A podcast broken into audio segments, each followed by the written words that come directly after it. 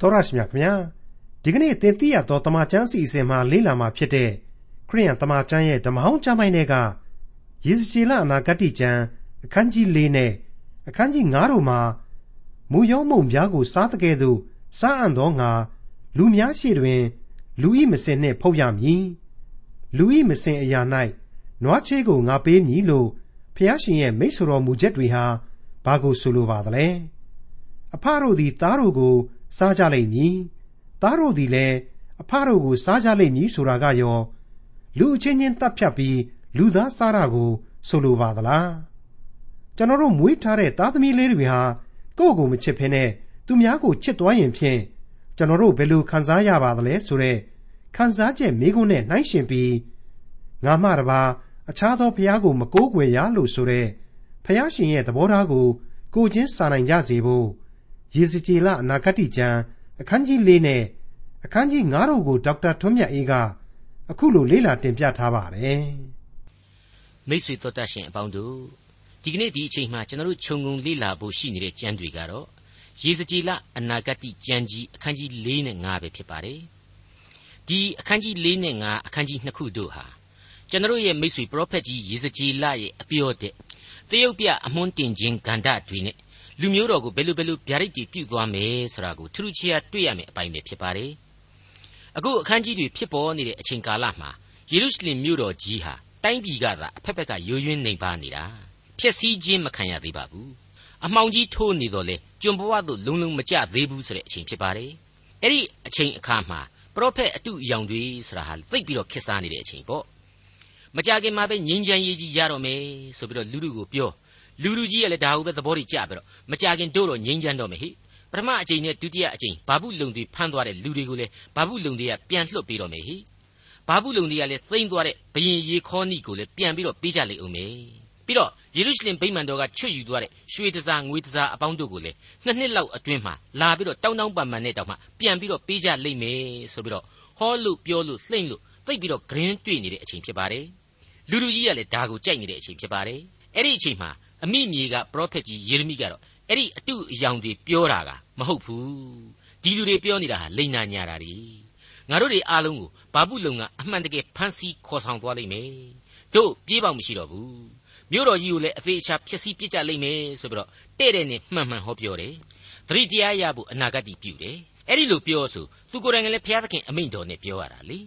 ကိုယ်တိုင်ကတော့ဒီစကားမျိုးဘယ်ပြောချင်ပါမလို့ဒီယေရမိဆိုတာဟာလေမျိုးချစ်ပုဂ္ဂိုလ်ကြီးတယောက်ပဲမဟုတ်ဘူးလားဒါပေမဲ့ ဘုရားသခင်ကမင်းအဲ့ဒီအတိုင်းသာပြောဒါပေမဲ့စိတ်သက်တွေကြတာကကြတာတခြားငါ့ကိုတော့မမေ့မလျော့ပဲနဲ့ငါစီပြန်လာဖို့ကိုပါသတိပေးဆိုပြီးတော့စေခိုင်းတဲ့အခါကျတော့စေခိုင်းတဲ့အတိုင်းပဲယေရမိတယောက်ပြောကိုပြောရမှာပါပဲ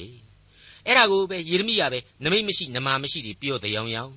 ယေရမိဆိုတာဟာမျိုးမစစ်တဲ့ဖောက်ပြန်ရေးသမားရောင်ရောင်ဝိုင်းဝန်းဆွဆွဲကြပြီးတော့ဖမ်းကြစီးကြရိုက်ကြနှက်ကြအချုပ်ထောင်ထဲထည့်ကြစသဖြင့်လုတ်ခဲ့တာတွေကိုကျွန်တော်တို့တည်တည်ချာလေ့လာခဲ့ကြပြီးပြီဖြစ်ပါတယ် အခုချိန်မှာတော့အဝေးရောက်ပရောဖက်ကြီးယေစကြည်လဟာသူ့ရဲ့အနာဂတ်အခုကျမ်းတွေအဖြစ်ယေရမိပရောဖက်ရဲ့ဗျာဒိတ်ယူပါယုံတွေအကုန်လုံးမှန်ကန်နေ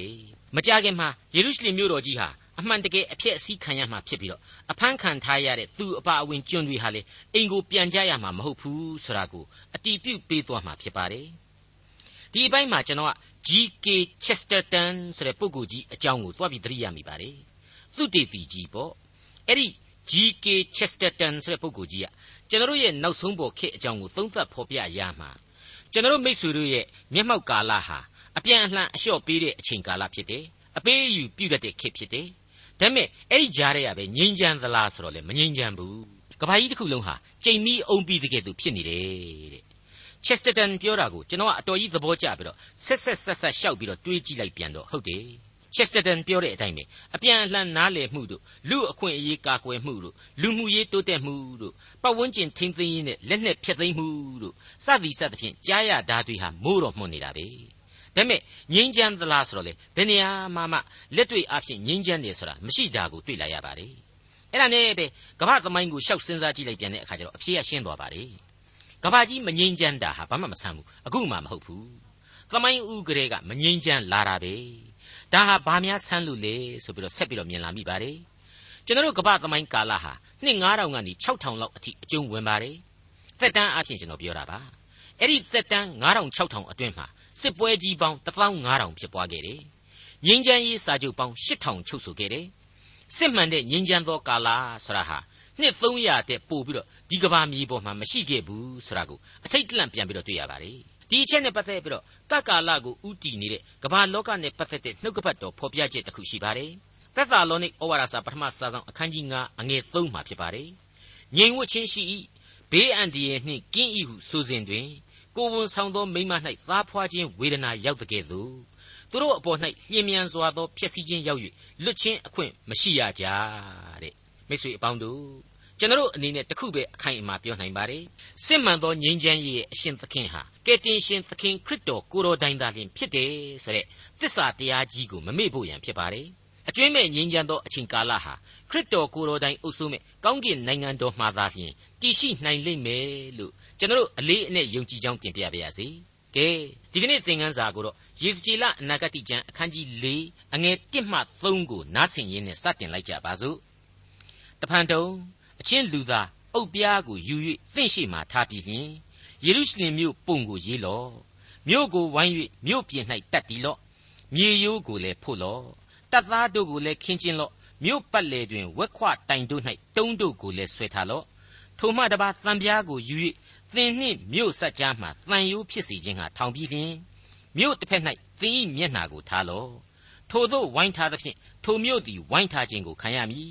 ဤသည်ကဣသရေလအမျိုးအားနမိတ်လက္ခဏာဖြစ်စေလိမ့်မည်။အုတ်ပြားဆိုတာဟာအဲ့ဒီခေတ်ကာလအဖို့စာရေးစက်ကူလိုသဘောမျိုးသုံးတဲ့ကိရိယာတစ်မျိုးပါ။အဲ့ဒီပုံမှာပုံဆွဲပြရမှာကတော့ယေရုရှလင်မြို့ကြီးကိုရန်သူတွေဝိုင်းမဲ့အကြောင်းပဲဖြစ်ပါတယ်။ပြီးတော့မှတခါတံပြားတစ်ချက်ကိုယူပြီးတော့အဲ့ဒီအုတ်ပြားကိုကာစီတယ်။ဘုရားသခင်ဟာဒီမြို့ကြီးကိုရန်သူလက်ကိုဝါကွက်ပြီးတော့အပ်လိုက်ပြီးခြားနာထားလိုက်ပြီးဆိုတဲ့အကြောင်းကိုထင်ရှားတဲ့သရုပ်နဲ့သရုပ်ဖော်ပြပေးလိုက်ရခြင်းပဲဖြစ်ပါတယ်။ တံပြားဆိုတာဟာမိဖို့မှမိခင်နဲ့တစားပလာဖြစ်ပါတယ်။ဒါကြောင့်မလို့တံပြားကာလိုက်တာဟာကြောက်စရာလက္ခဏာတစ်ခုပဲဖြစ်ပါတယ်။ရေစကြည်လအနာဂတိကျမ်းအခန်းကြီး၄အငယ်၄မှ၈ထိုမှတပါသင်သည်လက်ဝဲနံဆောင်ဖြင့်အိပ်၍ဣသရေလအမျိုး၏အပြစ်ကိုထိုနံဆောင်၌တင်ထားလော့။ထိုသို့အိပ်ရသောနေ့ရဲ့အရေးအတွက်အတိုင်းသူတို့အပြစ်ကိုခံရမည်။အကြောင်းမူကားအရက်390အရေးအတွက်အတိုင်းသူတို့အပြစ်နှင့်ရှင်သောနှစ်ပေါင်းကို သင်ဤအပေါ်၌ငါတင်ထားပြီထို့သောဣသရေလအမျိုး၏အပြစ်ကိုသင်သည်ခံရမည်ထိုနေ့ရက်စေပြီးမှတဖန်လက်ရနံဆောင်ဖြင့်အိပ်၍အရက်40ပတ်လုံးယူရအမျိုး၏အပြစ်ကိုခံအောင်လော့နှစ်အစား၌ရက်ကိုငါထားပြီသင်သည်ယေရုရှလင်မြို့ကိုဝိုင်းထားသည့်အမှုမှာမျက်နှာထား၍လက်ယုံကိုဆန့်လျက်မြို့တစ်ဖက်၌ပရောဖက်ပြုရမည်ငါသည်သင်ကိုချီနှောင်၍ဝိုင်းထားခြင်းအမှုကိုပြုရသောကာလမစေ့မီသင်သည်တစ်ဖက်မှတစ်ဖက်သို့မဆောင်ရ မှတ်တမ်းအားဖြင့်သေသေးချာအသေးစိတ်ထားပါတယ်လက်တွေ့မှာကတော့စရိသဘောပဲဖြစ်လိမ့်မယ်လို့ကျွန်တော်ယုံကြည်ပါတယ်ရှေးခေတ်မှာရှေးခေတ်အလျောက်အစဉ်အလာများအဖြစ်အဲ့ဒီလိုသရုပ်များကိုဓမ္မသမိုင်းလျှောက်မှာဖော်ဆောင်ပြသခဲ့မှုပါတယ်အေလိရှေဆိုတဲ့ပရောဖက်ကြီးဟာမြားတစင်းသုံးပြီးတော့ဣသရေလရှင်ဘရင်ယေဟောရှာဆိုတဲ့ပုဂ္ဂိုလ်ကိုအဲ့ဒီလိုလက်တွေ့သရုပ်နဲ့ဗျာဒိတ်ပြုတ်ခဲ့ဘူးတယ်ဆိုတာကိုဓမ္မရာဇဝင်စရုပ်ထစာဆောင်အခန်းကြီး73အငယ်14မှ20အတွင်းမှာပြန်ပြီးတော့လေ့လာနိုင်ပါတယ် အဲ့ဒီတိုင်းပါပဲပရောဖက်ကြီးဟေရှာယဟာလေဘုရားသခင်ရဲ့အမိန့်တော်အရာအဝတ်မဝတ်ခြေနှင်းကိုမစည်းဘဲနဲ့လူတို့ကြီးရဲ့အလယ်မှာလူသားတွေသူ့ကိုကြည့်ပြီးတော့သတိတရားရနိုင်အောင်လို့တရုတ်ပြအမွှန်းတင်ပေးခဲ့ရဘူးတယ်ဆိုတာကိုလေဟေရှာယအနာဂတိကျမ်းအခန်းကြီး20မှာကျွန်တော်တို့ပြန်လှန်လေ့လာရင်တွေ့နိုင်ပါတယ်ယေဇကျေလအနာဂတိကျမ်းအခန်းကြီး4အငယ်6မှ73ကိုဆက်လက်တင်ပြပါရစေထိုမှတပါဂျုံဆန်မူယောဆန်ပဲဆန်နှစ်မျိုးနှင့်ပြောင်းဆန်ကောက်ဆန်တို့ကိုယူ၍ အိုးတလုံး၌ရောနှောလျက်ထားရမည်နန်ဆောင်တစ်ဖက်ဖြင့်အိပ်ရသောနေ့ရက်390ပတ်လုံးထိုရောနှောသောဆန်ကိုမုံလို့၍စားရမည်ထိုမုံကိုတနေ့တနေ့လျှင်အကြက်20စီချိန်၍စားရမည်ရေကိုလည်းတနေ့တနေ့လျှင်တပတ်စီချိန်၍တောက်ရမည်မူရောမုံပြားကိုစားတဲ့ကဲ့သို့စားအံ့သောငါလူများရှိတွင် လူဤမစင်နှင့်ဖုတ်ရမည်ထို့သောငါနှင်ထုတ်ရအရက်တပါးမျိုးသားတို့နေရာ၌ဣသရေလအမျိုးသားတို့သည် ညစ်ညူးသောမုံကိုစားရကြမည်ဟုထာဝရဘုရားမိန့်တော်မူ၏ထူးထူးဆန်းဆန်းမြင်ကွင်းတွေကြီးပါပဲနော်မယုံနိုင်စရာတွေပေါ့ပြည့်ညတ်တော်များနဲ့ဘာမှမဆိုင်တပြောင်းကပြန်တီရှောက်ပြီးတော့တမင်လုတ်ခိုင်းတာဖြစ်ပါလေညဉ့်ညမ်းနေတဲ့လူသားတို့အတွက်ညဉ့်ညူးသောအစာအသောက်ကိုမတန့်မရှင်းပြင်ဆင်ပြီးတော့စားဖို့အမိန့်ချခြင်းကိုယေစကြည်လခံရပါတယ်သူကလည်းအဲ့ဓာတွေကိုသရုပ်လုပ်ပြရပါတယ်တဲ့ဒီအကြောင်းတွေကိုဂဂနစဉ်းစားလိုက်မယ်ဆိုရင်ခေဟောင်းအမြင်နဲ့ဆင်ကျင်သင့်တယ်လို့ကျွန်တော်ထင်ပါတယ် မောရှိတို့ရဲ့အလွန်ရှေးကြတဲ့ခေတ်ကလေးကကျင့်သုံးခဲ့တဲ့ဤတွေထဲမှာဆိုရင်လေအခုခေတ်ဘယ်လို့မှတွေးလို့မရတဲ့ဤပရိယေတွေပါဝင်တာကိုကျွန်တော်တို့လေ့လာတွေ့ရှိနိုင်ပါတယ်ထွမြောက်ရာကျမ်းတင်းမှာအခန်းကြီး၈၉တို့ကိုပြန်ပြီးတော့ကြည်ပါအခန်းကြီး၈ရဲ့အငယ်16နဲ့18မှာအခုလိုမှတ်တမ်းပြုထားပါတယ်တဖန်ထာဝရဘုရားသည်မောရှိအားမိန့်တော်မူသည်ကားအေဂုတ်ထုပြည်တလျှောက်လုံး၌ရှိသောမြေမှုန့်သည်ချင်းကောင်းဖြစ်စေခြင်းဟာအာယုန်သည်လှန်တံကိုကင်လျက်လက်ကိုဆန့်၍ မြေမှုန့်ကိုရိုက်စေခြင်းဟာပြောလောဟုမိန့်တော်မူသည့်အတိုင်းအာယုန်သည်လှန်တံကိုကင်လျက်လက်ကိုဆန့်၍မြေမှုန့်ကိုရိုက်လေ၏မြေမှုန့်သည်လည်းလူ၌၎င်းတိရစ္ဆာန်၌၎င်းချင်းကောင်းဖြစ်လေ၏အေဂုတ်ထုပြည်တလျှောက်လုံး၌မြေမှုန့်ရှိသမျှတို့သည်ချင်းကောင်းဖြစ်လေ၏တဲ့အဲ့ဒီလိုတွေ့ရပါတယ်တခါအဲ့ဒီတိုင်းပါပဲအခန်းကြီး9ရဲ့အငယ်8ကနေ17အတွင်းမှာကျတော့အခုလိုဆက်လက်ဖော်ပြထားပါတယ်ထာဝရဘုရားကလည်း မိဖို့တဲကပြာကိုလက်နှင့်ယူ၍မောရှေသည်ဖာရောဘုရင်ရှေ့၌မိုးကောင်းကင်သို့ပြင့်လွှင့်စေပြစ်လွှင့်စေထိုပြာသည်အေဂုတ်ထုပြည်တစ်လျှောက်လုံး၌နှံ့ပြားသောအမှုန့်ဖြစ်၍ပြည်တစ်လျှောက်လုံးတွင်လူနှင့်တိရစ္ဆာန်တို့၌အခဲအကျိတ်ပြည့်သောအနာစုဖြစ်လိမ့်မည်ဟုမောရှေနှင့်အာယုန်တို့အားမိန့်တော်မူသည့်အတိုင်းသူတို့သည်မိဖို့တဲကပြာကိုယူ၍ဖာရောဘုရင်ရှေ့မှရပ်လျက်မောရှေသည်မိုးကောင်းကင်သို့ပြစ်လွှင့်သဖြင့် ထိုပြားသည်လူနှင့်တိရစ္ဆာန်တို့၌အခဲအကျိတ်ပြည့်သောအနာဆိုးဖြစ်လေ၏ဝိဇ္ဇာဆရာတို့သည်အနာဆိုးကြောင့်မောရှိရှိ၌မရက်မနေနိုင်ထိုအနာဆိုးသည်ဝိဇ္ဇာဆရာတို့၌၎င်းအေဂုတ်ထုလူအပေါင်းတို့၌၎င်းစွဲသည်တဲ့အဲ့ဒါတွေဟာအလွန်ရှေးကြတဲ့ခေတ်ကလေးကကျင့်သုံးခဲ့တဲ့ဘုရားသခင်အမိန့်ပေးပြီးတော့ကျင့်သုံးခိုင်းတဲ့ဤပရိယေတွေဖြစ်နေတယ်ဆိုတာကိုကျွန်တော်တို့တွေ့ရပါတယ်။ဘာပဲပြောပြောသူတို့ခင်နဲ့သူတို့တော့ကျွန်တော်တို့အခုအချိန်မှအတိတ်ပဲမရှိဘူးဆိုတာမျိုးမဖြစ်နိုင်ပါဘူး။သူတို့ဟာနဲ့သူတို့ အတိတ်ပဲအတော်ကြီးတာသွားတဲ့ကိစ္စတွေပဲဖြစ်လိမ့်မယ်လို့ကျွန်တော်တို့အလေးအနက်ခံယူနိုင်ပါတယ်အခုဆိုရင်ကျွန်တော်အထက်ကပြောခဲ့တဲ့အတိုင်းပဲမင်းတို့ဣသရေလလူမိုက်တွေဖောက်ပြန်နေတဲ့လူသားတွေမင်းတို့ဟာဖောက်ဖောက်ပြန်ပြန်ညင်ညင်ညူညူအခုအတိုင်းဆက်ပြီးတော့ဖြစ်နေလိမ့်အောင်မယ်ဆိုတာကိုရေစကြည်လအားဖြင့်ဘုရားသခင်ဟာပြီးပြီးပြင်းပြင်းကြီးတရုပ်ဖော်စေပါတယ်အဲ့ဒီအချိန်မှာပဲပြည့်ညတ်တော်တွေနဲ့ကြပြောင်းကြပြန်ကြီးရှောက်ပြီးတော့လှုပ်ခိုင်းတဲ့အလျောက် ယေဘရဟိတ်အမျိုးဖြစ်တဲ့ပြည့်ညတ်တော်သမားလေဝိကြီးယေစကြည်လဟာဖျားသခင်ကိုအံ့ဩဖို့ကောင်းလောက်အောင်ပြန်ပြီးတော့အသနာခံနေဖျားသခင်ကလည်းနှလုံးသားကိုရှုမြင်သုံးသပ်တော်ဖျားဖြစ်တဲ့အလျောက်သူ့ရဲ့အသနာခံခြင်းကိုနားညောင်းတော်မူခဲ့တယ်ဆိုတာကိုအခုလိုအံ့ဩပွေဆက်ပြီးတော့တွေ့ရပါတယ်ငါကလည်းအိုးအရှင်ထာဝရဖျားအကျွန်ုပ်သည်ညဉ့်ညူးခြင်းသို့မရောက်ပါသေး အလိုလိုသေသောအကောင်သားရဲကြိုက်၍သေသောအကောင်ယွန်ရှာပွေသောအကောင်ဤအသားကိုငယ်သောအသက်အရွယ်မှစ၍ယခုတိုင်အောင်အကျွန်ုပ်သည်မစားပါဟုလျှောက်လျင်လူဤမစင်အရာ၌နွားချီကိုငါပေး၏နွားချီနှင့်သင့်မုတ်ကိုဖုတ်ရမည်ဟုမိန့်တော်မူ၏တဖန်တုံအချင်းလူသားယေရုရှလင်မြို့၌မုံအထောက်အပင့်ကိုငါချိုးမည်မြို့သားတို့သည်မုံကိုချင်းလျက်စိုးရိမ်သောစိတ်နှင့်စားရမည်ရေကိုလည်းချင်းလျက်မိန်မောတွေ့ဝေခြင်းနှင့်တောက်ရမည် မုံနှင့်ရေခေါင်းပါသဖြင့်မြို့သားတို့သည်တညီတညွတ်တီမိန်မောတွေ့ဝေ၍မိမိတို့အပြစ်ကြောင့်ပိန်ကြုံခြင်းသို့ရောက်ရကြမည်ဟုမိန့်တော်မူ၏မိษွေတော်တတ်ရှင်အပေါင်းတို့ခမညာအခုဖော်ပြပေးလိုက်တဲ့အချက်တွေးဟာလက်တွေ့တရုပ်ဆောင်ပေးရတဲ့ယေစကြည်လအားဖြင့်အဝေးရောက်ဣတရီလာတို့ဟာသူတို့ရဲ့အခြေအနေဆိုးကိုသူတို့ကြိုပြီးတော့သိနာလေစေဖို့ရန်ဖြစ်တယ်။ ဒါအပြင်ကျွန်မဖြစ်သေးတဲ့ကြံရစ်သူအမိမြေကပရောဖက်ယေရမိရဲ့အနာဂတ်စကားတွေဟာလေအကုန်လုံးအမှန်တရားတွေသာဖြစ်တယ်။ဘာဘူးလုံဟာဖြင့်မကြခင်မှာယူရပြည်တစ်ခုလုံးကိုကျွန်ပြုတော့မှာဖြစ်တယ်။အဲ့ဒီအချိန်ကာလမှာယေရုရှလင်မြို့တော်ကြီးဟာအကြီးအကျယ်ပျက်စီးပြီးတော့မြို့တော်သူမြို့တော်သားအပေါင်းတို့ဟာဒုက္ခဆင်းရဲခြင်းကြီးစွာခံစားကြရမယ်ဆိုတဲ့အချက်တွေးကိုဗျာဒိတ်တော်များအဖြစ်ချမှတ်ပေးနေတယ်ဆိုတာကိုကျွန်တော်နားလေသဘောပေါက်ဖို့လိုပါတယ်မိတ်ဆွေအပေါင်းတို့ အခုဆက်လက်လေ့လာရအောင်မှာကတော့နောက်ထပ်သရုပ်ပြအနာဂတ်များပဲဖြစ်နေပါတယ်ဒါကိုတော့အခန်းကြီး9ရဲ့အငယ်1ကနေ4ဟာအခုလိုစတင်ဖော်ပြပေးလိုက်ပါတယ်တဖန်တုံအချင်းလူသားထက်သောဓာဒီဟုသောစတ္တာသေးဤသင်တုံးကိုယူ၍ကိုယ်စပင်နှင့်မုတ်စိတ်ကိုရိပ်ပြီးမှချိန်ခွင်နှင့်ချိန်၍အစုစုခွဲထားလော့မြို့ကိုဝိုင်းထားရာကာလစေသောအခါသပင်နှင့်မုတ်စိတ်သုံးစုတစုကိုမြို့ထဲမှမိရှုလော့တစုကိုဓာနှင့်ခုတ်ဖြတ်လော့ တစုကိုလေတိုက်ရာ၌လွှင့်လော့ငါသည်လည်းထိုအစုနောက်သို့ဓာကိုလွှတ်လိုက်မည်အနည်းငယ်ကိုလည်းယူ၍ကိုအဝတ်နှင့်ထုတ်လော့ထိုအနည်းငယ်အချို့ကိုလည်းယူပြန်၍မိရှုလော့ထိုမိသည်ဣသရေလအမျိုးကိုနှံပြလိမ့်မည်ဟုမိန့်တော်မူ၏ဒါဟာလဲစောစောကဣသရေလအစဉ်အလာအရမုံပြားကိုမစင်နဲ့ဖုတ်ရတာမျိုးနီးပါအတော်ကြီးကတိကတ်သက်နိုင်တာပဲလို့ကျွန်တော်ဆိုချင်ပါတယ်အထူးသဖြင့်ယေဘရဟိတ်အမျိုးအနွယ်ဖြစ်တဲ့ယေဇကျေလအဖို့ တစ်သက်လုံးထားလာရတဲ့သပင်အစဉ်အလာအရမွေးထားရတဲ့မုတ်စိတ်တွေကိုပျောက်နေအောင်ရိပ်ပြရတဲ့ကိစ္စမလို့အထူးပဲစိတ်လှုပ်ရှားပွဲဖြစ်လိမ့်မယ်လို့ကျွန်တော်တွက်ဆပါတယ်ပြီးတော့မှအဲ့ဒီအမွေးတွေကိုချိန်ပြီးတော့သုံးပုံပုံအဲ့ဒီသုံးပုံကိုမှတခါတပုံကိုမိရှုတပုံကိုဓာတ်နဲ့ခုတ်တပုံကိုလေတိုက်တဲ့အချိန်မှာလွှင့်ပြေးတဲ့အဲ့ဒီအထက်ကအနည်းငယ်အကျွင်းကိုတော့အဝတ်နဲ့တတ်တတ်ရရကလေးထုတ်ထားပေးပါတဲ့ အဲ့ဒီလိုရေစကြည်လကတကောင်းလုံးနဲ့တမျက်နှာလုံးကိုရိပ်ပစ်နေတဲ့အချိန်ခါမှာဘာဘူးလုံအချင်းကြနေသူကျွန်းနေမြေကဂျူးဣတရီလတွေဟာဘလောက်များအုံကြွက်ကြွက်နဲ့စီစီကားကားကြီးဝိုင်းကြည့်နေကြလေမလဲလို့ကျွန်တော်တွေးမိပါတယ်တခါ ခေါင်းပိုင်းတစ်ခုလုံးကိုပြောင်းနေအောင်ရိတ်ထားတဲ့ခေါင်းပြောင်ကြီးရေစကြည်လာကြီးကိုဟာတိုက်မယ်လို့ဟန်ပြင်းလိုက်တိုင်းအဲ့ဒီပုဂ္ဂိုလ်ကြီးကမျက်နှာသေးကြီးနဲ့ထာဝရဘုရားမိန့်တော်မူ၏ဆိုတဲ့ဒုံးတိကြီးကြီးညာသံပြုတ်လိုက်ပြီဆိုတာနဲ့လူတွေဟာအကုန်လုံးတွေ့မိန်မောကုန်ကြလိမ့်မယ်လို့လေကျွန်တော်သေချာပေါက်တွက်ဆမိပါတယ်ရေစကြည်လာအနာဂတိကျမ်းအခန်းကြီး9အငယ်9မှ9တဖန်အရှင်ထာဝရဘုရားမိန့်တော်မူသည်ကား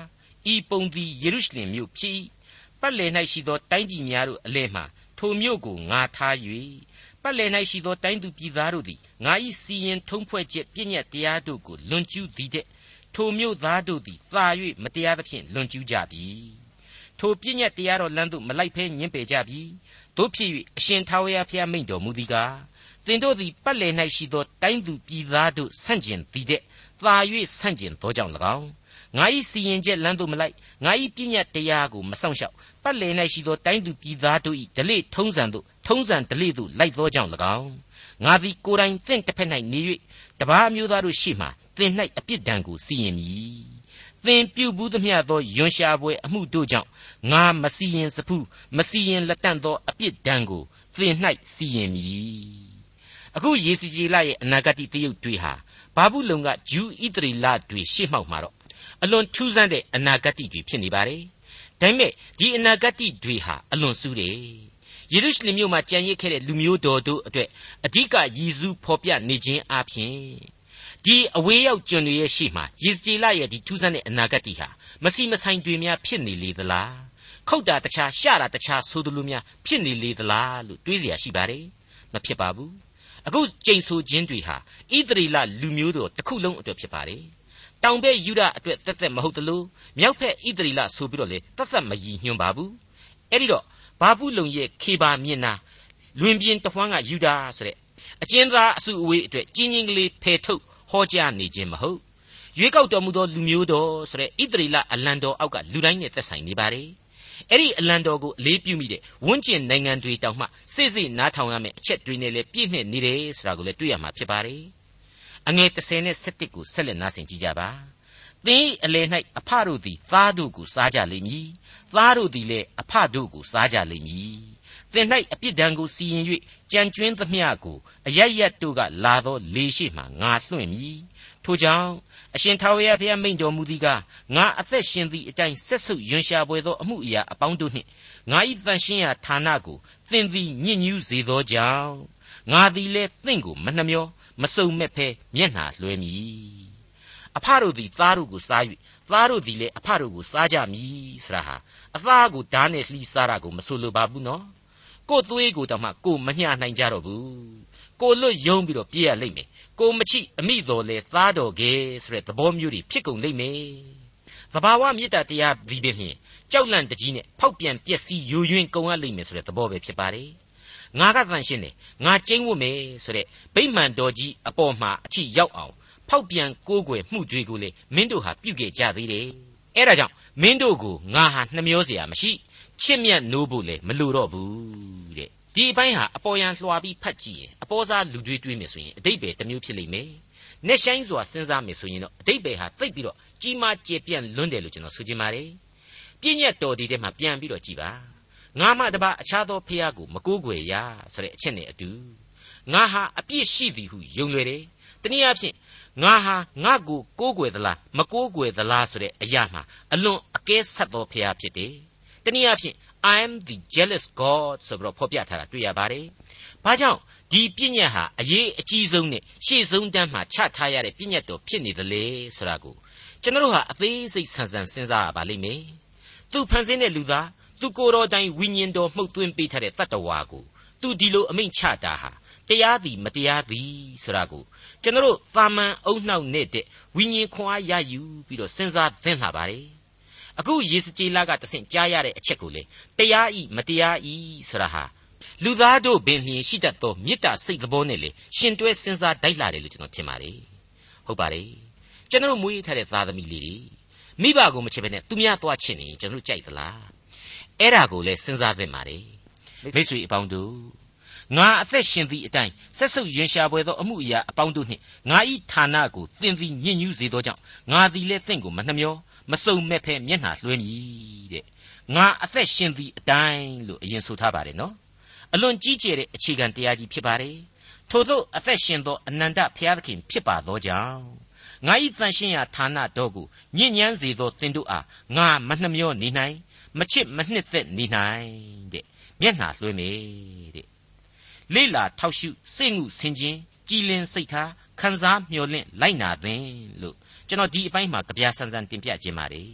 မိတ်ဆွေအပေါင်းတို့အခုအချိန်မှကတော့အထက်ပိုင်းကမပြီးမပြတ်သေးတဲ့အကြောင်းတွေးကိုယေစကြည်လဟာဆက်လက်ဖော်ပြသွားမှာဖြစ်ပါတယ်ဟုတ်ပါတယ်အခန်းကြီး9ရဲ့အငယ်1ကနေ4အတွင်းမှာသပင်နဲ့မုတ်ဆိတ်မွေးတွေကိုအကုန်ရိတ်ရမယ်ဆိုတာတွေ့ရပါတယ် နှခမ်းမွေးနဲ့ပတိုင်းမွေးစသဖြင့်မျက်နာပေါ်ကထင်းထင်းရှားရှားအမွေးတွေအကုန်လုံးနဲ့အကျုံးဝင်လိမ့်မယ်လို့ကျွန်တော်ထင်ပါတယ်အဲ့ဒီအမွေးအမြင်တွေကိုမှတခါချိန်ခွင်နဲ့တိတိကျကျချိန်ပြီးတော့အပုံလိုက်ခွဲထားရမယ်အနည်းငယ်ကိုခြံပြီးတော့အဝတ်နဲ့ထုတ်ထားရမယ်ဆိုတာကိုလည်းတွေ့ကြရပြီးပါပြီအဲ့ဒီလိုခွဲခြားထားတဲ့အမွေးတွေအတွက်ဘယ်လိုဘယ်လိုလုပ်ရမယ်ဆိုတာကိုအခုလိုအမိန့်မှတ်ခဲ့ပါတယ်တိတစုကိုမိရှုလော့တစုကိုဓာနှင့်ခုတ်လော့တစုကိုလေတိုက်ရာ၌လွှင့်လော့တဲ့ အဲ့ဒီလိုမှားခဲ့တဲ့အတိုင်းပဲဂရုံကြီးပြောင်ပြောင်နဲ့ကြောင်တောင်တောင်လုံးနေတဲ့ရေစကြည်လကိုလေယုံကြည်သူလူတစုကတော့ကြည်ပြီးတော့လူမျိုးတော်ရဲ့အခြေအနေမှန်ဟာသိဆိုးနေပြီဆိုတာကိုတန်ဝေကရယူနိုင်ကြမှာပဲလို့ကျွန်တော်တွက်ပါတယ်မယုံကြည်သူတွေအတွက်ကတော့ကတိကတကွာဒီအမွေးအမြင်တွေကိုပဲသူပဲတကူးတကသုံးပုံပုံလို့သူပဲမိရှုသူပဲဓာတ်နဲ့ခုတ်လေတဲ့လွှင့်နေအလုတ်မရှိအလုတ်ရှာပြီးတော့ဖះသခင်ကပဲခိုင်းနေလေပါလိနဲ့ဒီလူကြီးတော့ယူနေပြီထင်ပါရဲ့ ကြောင်သွားပြီထင်ပါရဲ့ဆိုပြီးတော့ပြောင်ညနောက်ကျလိမ့်မယ်လို့လည်းကျွန်တော်တွက်မိပါတယ်ခပ်ပေါ်ပေါ်အတွေ့အခေါ်တွေနဲ့ပေါ့ဟုတ်ပါတယ်နားထောင်သည်ဖြစ်စေနားမထောင်သည်ဖြစ်စေလို့ဆိုထားတော့ယုံကြည်သူနဲ့မယုံကြည်သူအုပ်စုနှစ်စုရှိလိမ့်မယ်ယုံပါတယ်ဆိုပြီးတော့နားတော့ထောင်မယ်ပြီးတော့မှကြိုက်ရလုံမယ်ဆိုတဲ့လူမျိုးတွေလည်းရှိလိမ့်မယ်ဆိုတာရှင်းနေတာပါပဲအခုဆိုရင်အမွေးများကပြောသောအတိတ်နမိတ်တွေကိုဒီကျမ်းဟာအခုလိုဆက်လက်ရှင်းလင်းဖွင့်ဆိုပေးလိုက်ပါတယ်ယေစီလနဂတိကျမ်းအခန်းကြီး9 အငယ်7မှ